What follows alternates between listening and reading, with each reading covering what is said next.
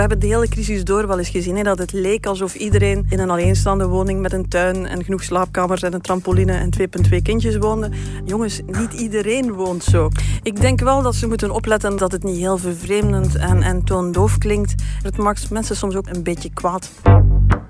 Van op de redactie van het Nieuwsblad is dit het punt van Van Impe, de Actua-podcast van het Nieuwsblad met hoofdredacteur Liesbeth Van Impe. Dag Liesbeth. Dag Jeroen. En met mij Jeroen Roppe. Vandaag hebben we het over salariswagens, tuinfeesten en chocozoenen. Of hoe noem jij dat, Lisbeth? Ik noem dat uh, mellowcakes, maar uh, we weten dat daar heel veel discussie is over hoe je het juist mag noemen.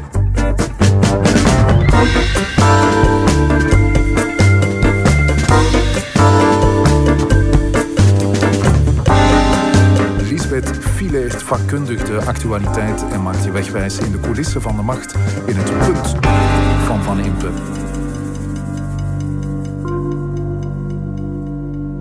En dat punt spoelen we door met lokale drank. Heel lokaal deze keer, want vanavond heb ik het echt niet vergezocht, Lisbeth. Een paar straten van waar ik woon ligt een brouwerij. De brouwerij ziet er echt niet uit. Ze ligt in Curigem, niet bepaald een toeristenbuurt. Maar de brouwerij is zonder twijfel een van de hipster bedevaarten in de wereld.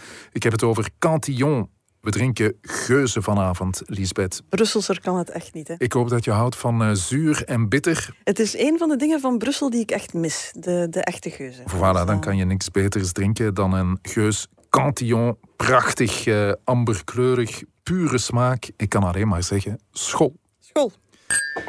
Opvallend veel beweging trouwens op de redactie vond ik vanavond. Uh, Lisbeth, iedereen in de ban van uh, Jurgen Konings, de zwaar bewapende beroepsmilitair uit uh, Deelse Stokken. Hoeveel mensen zijn daar mee bezig eigenlijk op zondag? Uh, politieke journalisten, crimijournalisten, de cheffen, iedereen die bang is dat we straks nog eens heel de krant moeten omgooien. Iedereen is daar.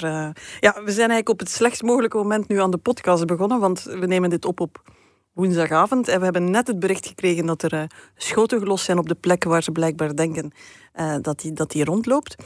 Uh, dus ja, wij weten niet hoe het afloopt. We gaan daar waarschijnlijk nog moeten op terugkomen. Nee, maar het is wel ongelooflijk dat zo iemand kan rondlopen met een machinegeweer en een raketwerper. Um, ja, een, een, aanslag met wapens van het Belgisch leger. Het had zomaar gekund eigenlijk, hè? Uh, ja, en dus dat is de vraag, denk ik, die de komende dagen zal moeten beantwoord worden. Hoe kan het dat iemand uh, toch op een, op een, op een, zo'n belangrijk, op een positie in het Belgisch leger met toegang tot gevaarlijke wapens. En toch wel een, een achtergrond en een, en, een, en een cv waar toch al wat opmerkingen bij te maken waren. Hoe kan het dat iemand die blijkbaar toch ergens op een, op een lijst van het OCAD staat als in de gaten te houden, dat die tegelijk gewoon blijkbaar de kast kan opentrekken en met uh, zware wapens uit een kazerne kan wegwandelen. Dat, dat is uh... onaanvaardbaar, zei uh, premier De Croo. Ja, maar daar heeft hij natuurlijk nog niet beantwoord uh, wie hier in de fout is gegaan, of hier iemand in de fout is gegaan, en wat ze gaan doen om dit in, het, in de toekomst te vermijden natuurlijk. We volgen het uh, op hier op het Nieuwsblad. Waar beginnen we vanavond mee, Lisbeth? Uh, het tuinfeest, de salariswagens of de choco? Laten we met de centjes beginnen, de salariswagens. Ja, de cateraar die kan nog even wachten. Elisabeth, uh, rij je trouwens nog altijd met die veel te grote auto van de zaak? Veel te grote auto. Jeroen, Jeroen. Uh, ik rijd met een Mercedes A van de zaak en ik denk dat dat de kleinste wagen is van alle leidinggevenden in dit bedrijf. Maar het is een benzinewagen, het is nog geen groene, terwijl hier ook de vergroening echt volop bezig is. Het resultaat van ons gesprek hoor je elke donderdag in het punt van Van Impo op nieuwsblad.be en op alle bekende podcastplatformen. Let's do this.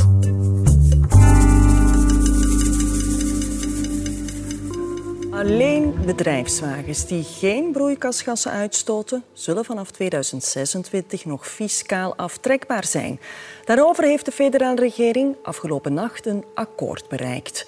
Wat belangrijk is, is dat alle wagens die nog gekocht worden voor 1 juli 2023, die blijven in het oude systeem. Daarna komt er een periode van infasering, waardoor we toch al een, stimulans geven om toch te kiezen voor uh, die emissievrije wagen. En dan vanaf 2026 zullen enkel de emissievrije wagens uh, volledig fiscaal aftrekbaar zijn.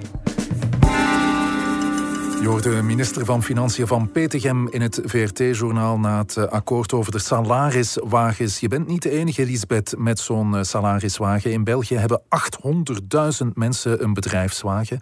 Een auto maakt deel uit van je salaris, zo gaat dat in ons land. De Belg vindt dat geweldig, dus aan dat systeem wordt niet geraakt.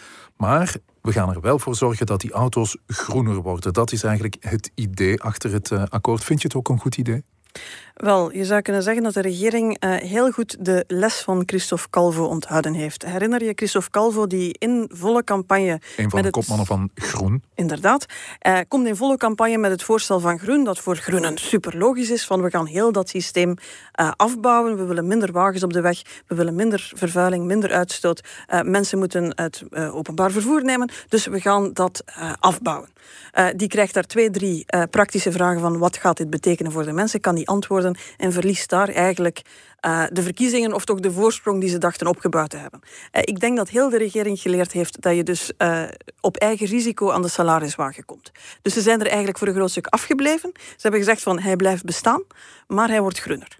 Ja, maar goedkoop is de oplossing die ze gevonden hebben niet. Hè. Zoveel is duidelijk. Hè. De regering verliest massaal veel geld aan BTW en accijnen, om maar een uh, voorbeeld te noemen, op brandstof. Wie gaat dat allemaal betalen? Dat weten ze nog niet. Ze weten eigenlijk nog niet goed hoeveel het juist zal kosten. Ze zeggen dat dat is heel moeilijk om dat te beramen. We weten juist hoeveel minder er zal getankt worden. Nu, ook het fiscaal voordeel kost de, de, de, de staatskas uh, geld. Dus het, het, is een, het is een dure maatregel.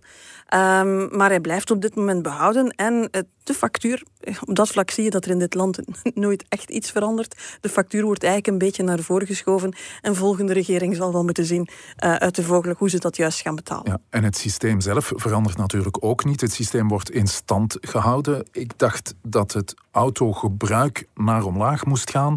Maar uh, dat blijkt niet uit dit ja, akkoord. Hè? Nee, dus het is duur en het gaat geen meter van de files afdoen. We gaan alleen groen staan wezen in de file. Dat is een beetje uh, de twee grote kritieken op het akkoord. Uh, tegelijk kan je zeggen, het is een soort van um, ja, politieke oefening om, om het hoogst haalbare eruit te halen en er dan toch een goede draai aan te geven. Ja, dat uh, kan je zeggen vanuit het uh, standpunt van groen. Bij uh, blauw zijn ze wel heel triomfalistisch. Hè? Ja, die zijn, het systeem is gevrijwaard. Dat is voor, uh, voor de liberalen heel belangrijk. Uh, het, het vergroent wel, maar ze hebben ook de bestelwagens er kunnen uithouden. Dus die zijn eigenlijk heel tevreden. Um, waren ook wel weer heel uh, enthousiast aan het communiceren. En dat is een van de dingen die je nu wel ziet. Aan de ene kant, Vivaldi slaagt er wel in om uh, die akkoorden te sluiten. Uh, het zijn zo de eerste thema's die er liggen post-corona, die niet ja, meer direct... Eerst was het loonakkoord, nu het salariswagenakkoord. Voilà, dus ze beginnen ja, voetje voor voetje zo die, die akkoorden te sluiten, op andere thema's um, elkaar te vinden. Maar er is wel nog een heel duidelijke strijd bezig van wie mag nu welke veren juist op zijn hoed steken, zeker is de beschouwde uitdrukking, zat ik even aan te denken. Ze steken um, op uh, een blauwe hoed, zeker. Uh, is rood de grote verliezer van dit akkoord? Rood zat hier uh, vooruit, zat hier heel gevrongen. Um, samen met de Groenen zijn ze eigenlijk voorstander om dat, dat, dat fiscaal systeem van die salariswagens af te bouwen en daar eigenlijk gewoon weer echt loon van te maken. Dus dat is, dat is één. maar twee, ook die kostprijs moeten ook eerlijk zijn, het kost veel geld. Um, die salariswagens zitten toch vooral bij de, de, de betere jobs en de hogere lonen. Maar worden, dat geld wordt opgehoest door ook iedereen die geen salariswagen heeft. Dus daar hadden ze gehoopt dat, we dat ze toch wat verder konden gaan. Ze hebben een paar dingen uit de brand gesleept. Maar eigenlijk door de manier waarop ze eraan begonnen zijn, door eigenlijk eerst heel forse verklaringen af te leggen en vervolgens toch te moeten inbinden, krijg je toch weer dat gevoel dat ze een halve nederlaag geboekt hebben, terwijl de groenen, die eigenlijk ook niet gekregen hebben wat ze echt wilden, naar buiten komen en zeggen van het wagenpark wordt groen, dat is ook een overwinning. Hoe zit het met de CD&V, de partij van minister Van Petegem? Uh, wel, ik denk dat tot uh, een goede week geleden uh, van Petegem een goede quizvraag was geweest. Als je in de straat op de Meer even had rondgelopen en gezegd van noem eens de minister van Financiën, dan zou het voor, voor veel mensen waarschijnlijk toch wel heel diep nadenken geweest zijn. Die begint zich wat naar het voorplan te wringen, ook met een imago dat CD&V goed uitkomt, van wij lossen het op, wij maken een voorstel, wij maken een compromis, wij zitten in het midden. we krijgen de dingen opgelost en uitgevoerd. Dus ik denk dat ze daar heel tevreden zijn met uh, een minister die plots ook wat naamsbekendheid heeft. Het eerste punt van Van Impe. We hebben alweer een Vivaldi-akkoord met dit keer de CD&V als fixers, de liberalen als grote winnaars, de groenen als bescheiden winnaars en de socialisten als verliezers. Ja, en tegelijk kunnen we meteen ook concluderen, ook na corona zal niet alles veranderen. De salariswagens, die blijven gewoon bestaan. Het punt van Van Impe.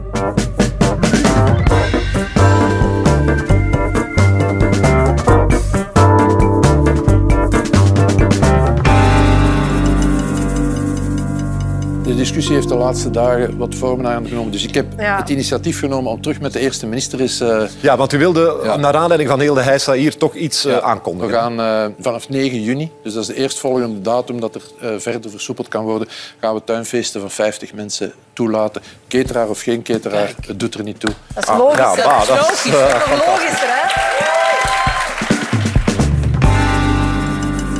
Applaus in de Koek en Verhulst show op Play 4. Vlaams minister-president Jan Bon maakte van het programma gebruik om de tuinfeestmaatregel bij te sturen tot grote onvrede van onder meer CD&V. Dat is geen manier van doen, zei de voorzitter van CD&V, Koens eigenlijk. Eh, vind jij dat ook, Lisbeth? Het was een andere sfeer dan op de gemiddelde persconferentie na het overlegcomité. Daar moeten we, moeten we duidelijk in zijn.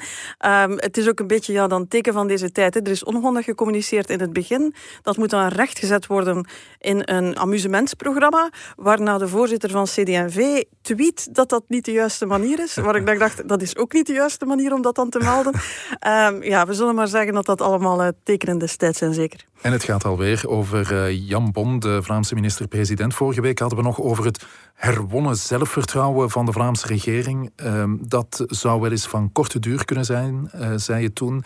Ligt het een week later al aan diggelen? Wel, we hebben het vorige week ook gehad over het feit dat Jan Jan Bon toch soms moeite heeft om het als uh, regeringsleider echt ja, dat leiderschap uit te stralen. En ik vrees dat we toch moeten zeggen dat het weer geen goede week geweest is voor Jan Jan Bon.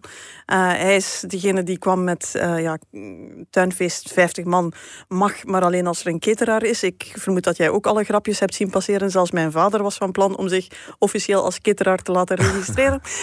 um, dus ja, dat, dat zorgt voor verwarring en, en, en hilariteit, maar tegelijk ook voor een stuk kwaadheid, omdat het toch vrij wereldvreemd klinkt.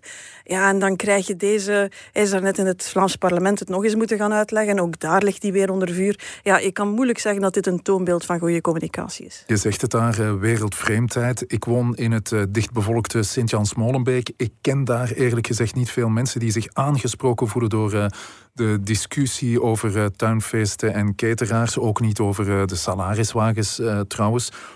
Worden we bestuurd, Lisbeth, door mensen die hun eigen leefwereld projecteren? Is het dat?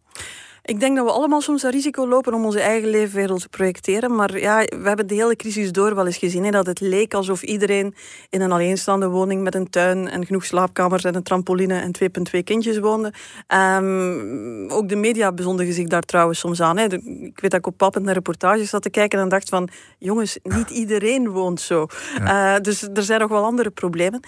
Ja, ik denk wel soms dat er. Um, het, het, klinkt soms allemaal wat toondoof. Herinner je ook de discussies over. Uh, het mocht in de Hof, maar alleen, alleen als je niet door het huis mocht. En dan mocht er één terug naar het toilet. En ja, je en de voelt openingen van, van de tuincentraal bijvoorbeeld. De openingen van de tuincentraal, alsof dat, dat het uh, belangrijkste was wat de Vlamingen Maar zegt dit iets over de kloof uh, met de burger?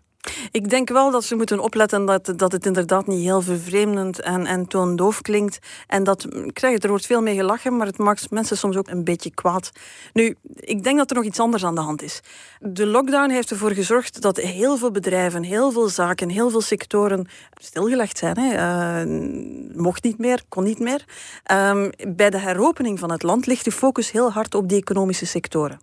Uh, je voelt het, het is de kappers, het zijn de fitnesszalen, de restaurants, de trouwzalen, de begrafenisondernemers. Ja, dat zegt Jan Bon zelf ook. Hè. Hij zegt, uh, achter elke maatregel kan je iets zoeken. Elke maatregel is er één op maat van een of andere doelgroep. Je moet daar niet uh, flauw over ja, doen. En al die doelgroepen hebben lobbyisten, hebben lobbygroepen die proberen ja, zoveel mogelijk uit de brand te slepen. Maar wat we een beetje vergeten is dat anderhalf jaar geleden, is het intussen zeker, niet alleen het economisch leven voor een stuk onder slot en grendel ging, maar dat ook het sociaal leven heel zwaar aan banden is gelegd. Dat is niet helemaal hetzelfde.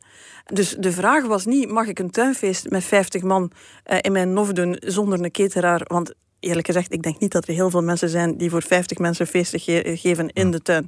Uh, met nog eens anderhalve meter afstand is het, denk ik. Hè. En ik weet niet hoeveel mensen er precies naar het toilet gaan mogen gaan. Dus ook dat zijn nog allemaal onduidelijkheden.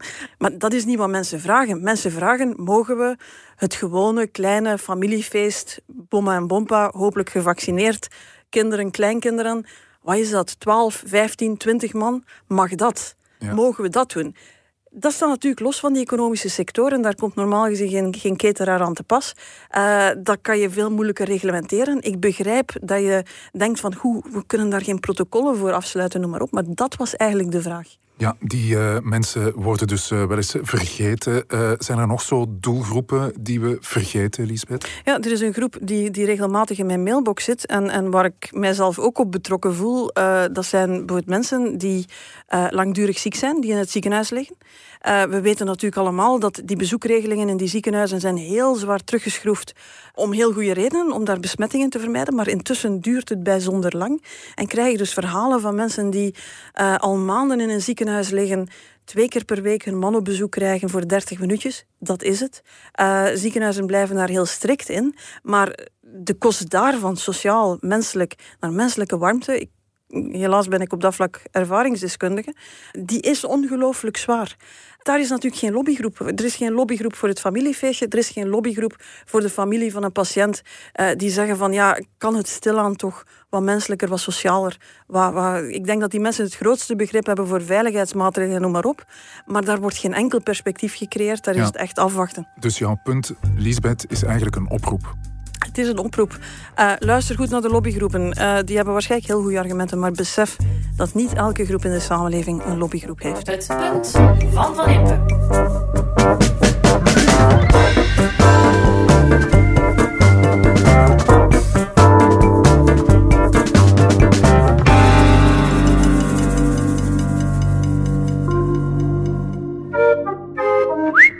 Zaterdagavond, korte keten. Discussie over de juiste benaming van deze lekkernij. Wink, wink.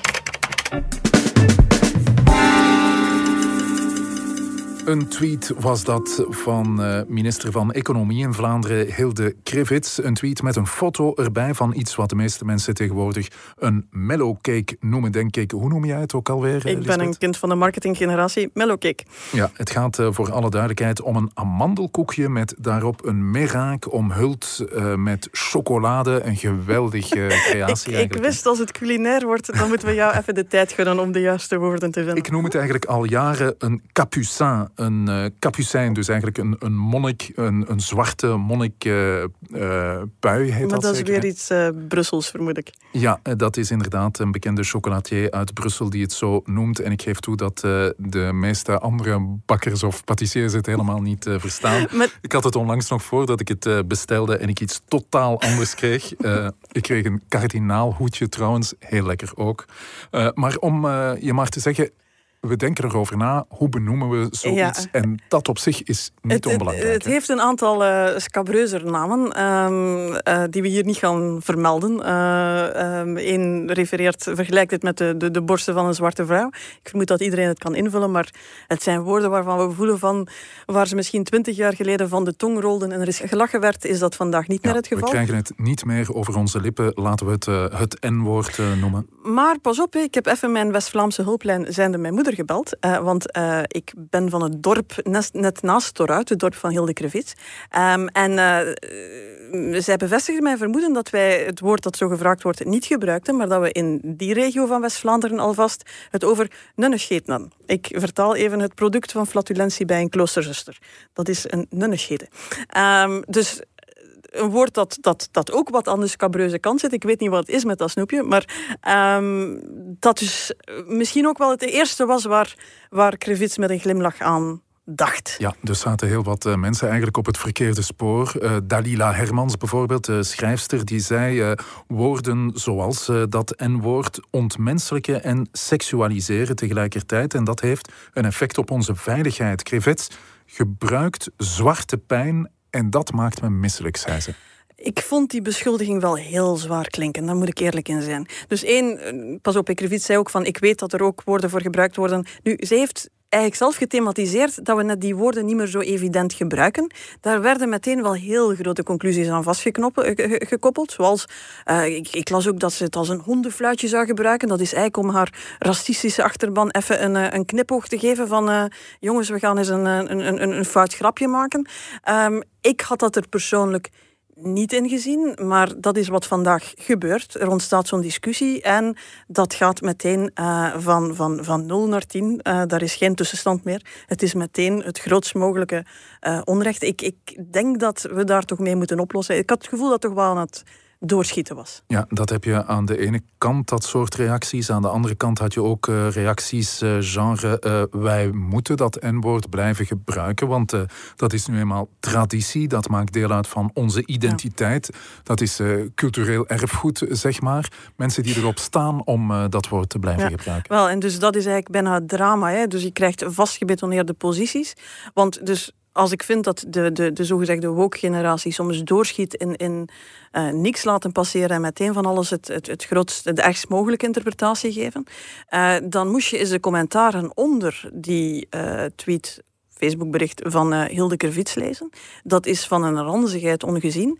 En dan krijg je effectief dat idee dat het een essentieel deel van onze cultuur is om een woord te beginnen gebruiken waar we ons allemaal toch ook wel wat ongemakkelijk bij voelen. Dus blijkbaar de Vlaamse cultuur, dat is de kathedraal van Antwerpen, dat is uh, conscience en dat is het recht om Melokeek uh, anders te noemen. ik zag zelfs het, het, het, het waanzinnige bericht passeren van u verwijdert deze tweet want dat is wat ze uiteindelijk na al de heisa gedaan heeft. U verwijdert deze tweet, u verwijdert ook onze identiteit. Ja. Nou, nou, nou. Uh, als je vindt dat de, de, die woke-generatie overdrijft, dan moet je op zijn minst vinden dat de enigen die er nog eens overgaan, zijn degenen die het recht op eisen om uh, ja, gelijk wat te blijven zeggen, blijkbaar. Jouw punt, Lisbeth, ik hoor je zeggen, laten we zeker blijven nadenken over hoe we de dingen benoemen. Uh, maar stop met overreageren. Stop met overdrijven en soms is het ook gewoon een nunnescheetje in een glas water. Het punt van Van Impe. En dat maakt drie punten, Lisbeth, die ik niet snel zal vergeten. Heerlijk weggespoeld met het eh, beste bier dat er is, wat mij betreft een Geus Cantillon.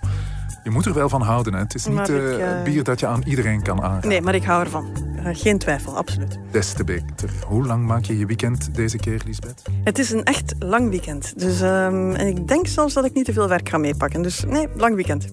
Geniet van de goede lucht dit weekend. En tot volgende week.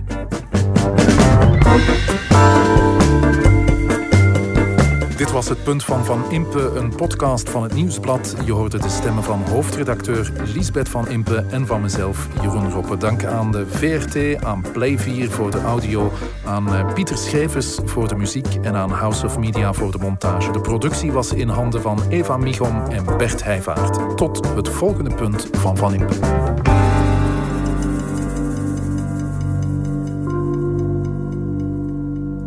Heb je de andere podcasts van het Nieuwsblad al gehoord? Stemmen van Assise, Slimmer Leven, de sportpodcasts, Shotcast en De Koers is van ons.